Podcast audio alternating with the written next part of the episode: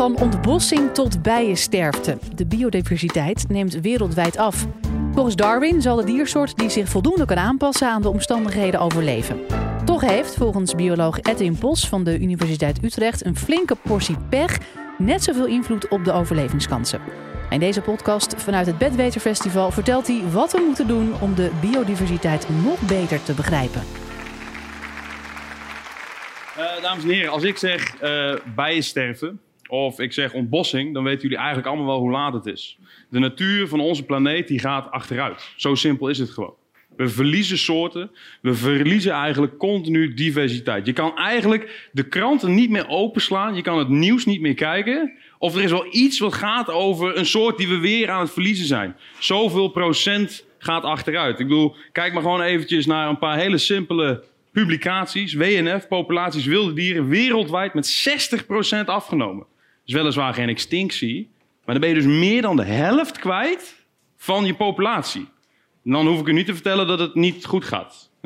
Of misschien deze. Natuur ernstig in gevaar. Wereldwijde afname van insectensoorten. Begin van dit jaar ontzettend in het nieuws. Met de prognose gesteld door de wetenschappers dat als we niks veranderen aan hoe wij hiermee omgaan, dat we 40% van de soorten kunnen gaan verliezen. Wat natuurlijk enorme problemen oplevert voor bijvoorbeeld fruitteelt, landbouw. Iets waar we misschien niet direct aan zouden denken. Of wat dacht u van de megadroogtes van de laatste twee, drie jaar, die op sommige plekken van onze planeet ook mega verlies van diversiteit hebben veroorzaakt? We verliezen dus diversiteit. Eigenlijk zijn we continu in een proces bezig om dat maar bij te proberen te houden.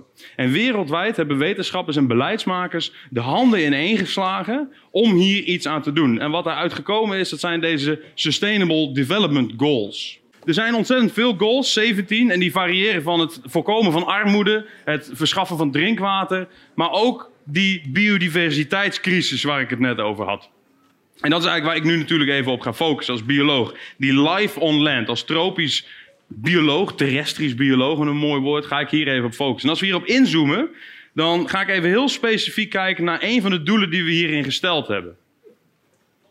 Global target binnen die nummer 15 is to take urgent and significant action to reduce the degradation of natural habitats, hold the loss of biodiversity and by 2020, 2020, even tussen neus en lippen door, dat is over drie maanden. Ja? Hold, prevent the extinction of threatened species. Over drie maanden is die doel dus, we mogen geen bedreigde soorten meer verliezen. Nou, ik hoef u natuurlijk niet te gaan vertellen, dat gaan we niet halen. We kunnen ontzettend ons best daarvoor doen, maar dat gaan we echt niet redden. Uh, is het dan allemaal verloren, zou je je kunnen afvragen. Wat doe ik hier eigenlijk nog? Waarom sta ik hier dit verhaal te vertellen? Nou, ik wil jullie gaan proberen te overtuigen vanavond dat het wel degelijk niet allemaal verloren is. We kunnen hier wel degelijk nog iets aan doen. Maar dan moeten we wel met een radicaal andere blik gaan kijken naar de ecologie en naar de natuurbeheer en het herstel van deze natuurgebieden. Niet zozeer voor het nu, maar vooral voor in de toekomst. En hoe dat in zijn werk gaat, dat zal ik u uitleggen. Als we vandaag de dag kijken naar natuurbeheer, werd net al even gezegd, dan doen we dat voornamelijk volgens de ideeën van deze beste man, Charles Darwin. In 1859 publiceerde hij zijn boek On the Origin of Species by Means of Natural Selection. Natuurlijke selectie. Wat hij bedoelde daarmee was dat er een strijd is om te overleven. En die strijd zorgt er dus feitelijk voor dat niet iedereen kan overleven. En omdat niet iedereen kan overleven, is er een filter op dat leven. En generatie op generatie zorgt dat ervoor dat soorten aangepast raken aan een specifiek gebied. En in de ecologie maken we daar gebruik van. En die specifieke gebieden, die noemen wij niches. En wat we proberen te doen in de natuurbescherming, we proberen die mozaïek van verschillende niches, proberen wij eigenlijk te behouden. Daar gaan we allemaal hekjes omheen zetten, kleine dierentuintjes maken. Zeggen we zo, dit is een heel specifiek gebied, komen specifieke soorten voor. Zo, wit hek eromheen, mogen we niks meer doen. En op die manier proberen we eigenlijk zoveel mogelijk die natuur te beheren. Maar is dat genoeg? Doen we daar dan afdoende aan om iets te doen aan de verliezen van biodiversiteit? Charles Darwin zelf zei al dat dat niet zo was. Heeft iemand het boek gelezen? Ja, dat is altijd de vraag, valt altijd een beetje tegen. Doen, het is een heel leuk boek. Een beetje droog, maar wel heel leuk. Uh, het is ook een beetje een anticlimax. Want op pagina 6 schrijft Charles Darwin al dat change has been, by natural selection, has been the main, but not the exclusive means of modification. Dus je gaat een boek lezen over natuurlijke selectie en op pagina 6 lees je al, ja, nee, er is eigenlijk nog veel meer. Maar daar ga ik het niet over hebben. Darwin wist dus al dat er meer zat in die zwarte doos van de evolutie en dus daarmee ook de ecologie. En vanavond ga ik proberen om die zwarte doos een beetje open te maken. En jullie iets meer te vertellen over wat er eigenlijk gebeurt in die ecologie. Maar dat kan ik inderdaad niet alleen met biologie doen. Dat moet ik ook doen met wis- en natuurkunde. Want we hebben bepaalde theorieën daarbij nodig die ons daarin ondersteunen. En ik sta dus letterlijk met één voet soms in de aarde van de Amazone.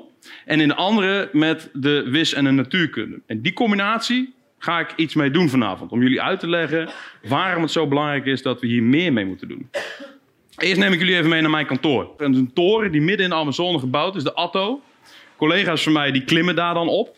En die doen dan allerlei metingen. 300 meter is hoog. Ik heb zelf in bomen geklommen van 60 meter. Dat is al hoog.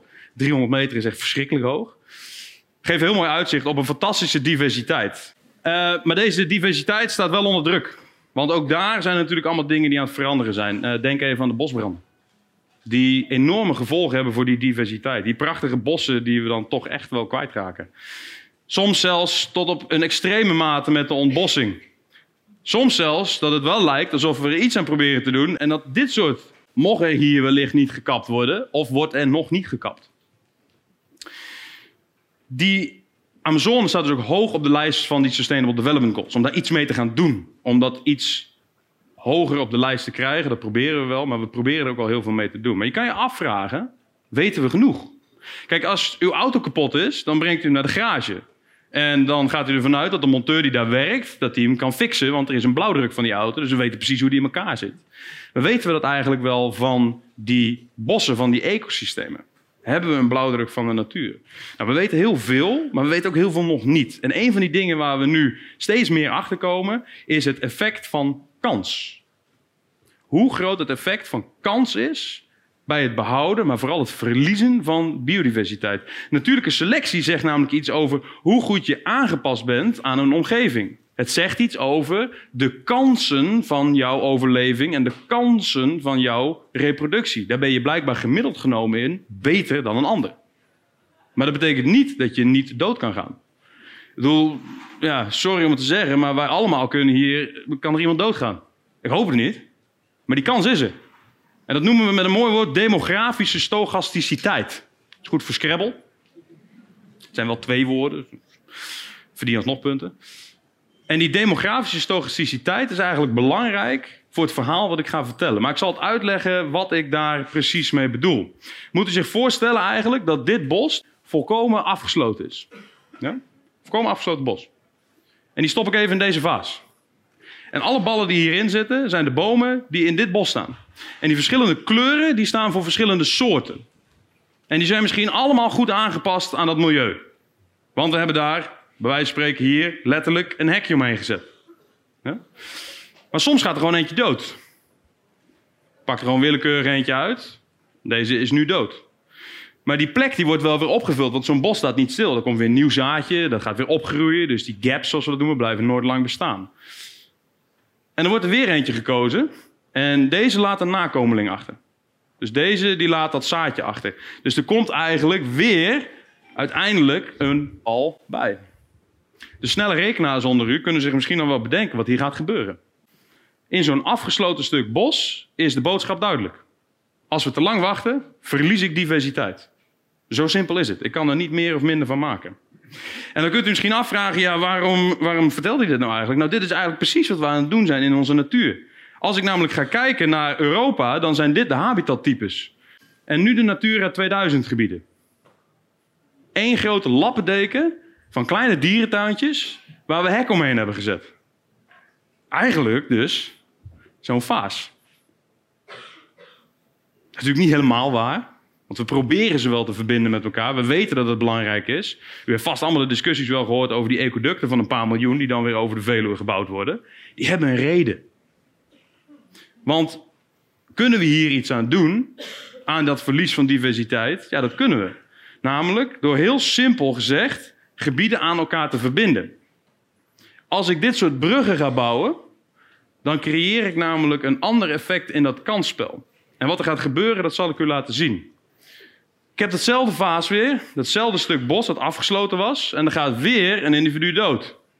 Nou, er wordt weer een individu opgevuld. Maar nu is er iets anders. Nu kan hij namelijk komen uit deze bak zelf, of hij komt ergens anders vandaan.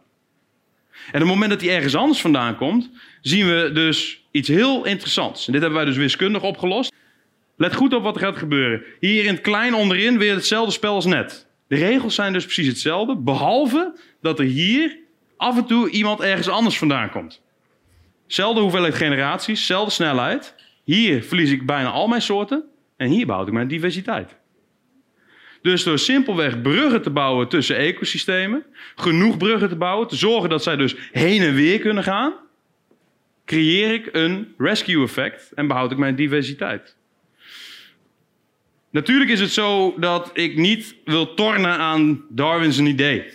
Darwin had gelijk. Soorten zijn aangepast aan hun milieu. We moeten dus ook niet zomaar stoppen met het maken van deze hekjes in die dierentuinen. Ik pleit er alleen voor om daar wel een flinke portie pech in mee te nemen. Een flinke portie kans. Want als we dat niet gaan doen, dan kan dit het resultaat zijn over 30, 40, 50 jaar. Dat zien we nu niet direct. Dat duurt een tijdje.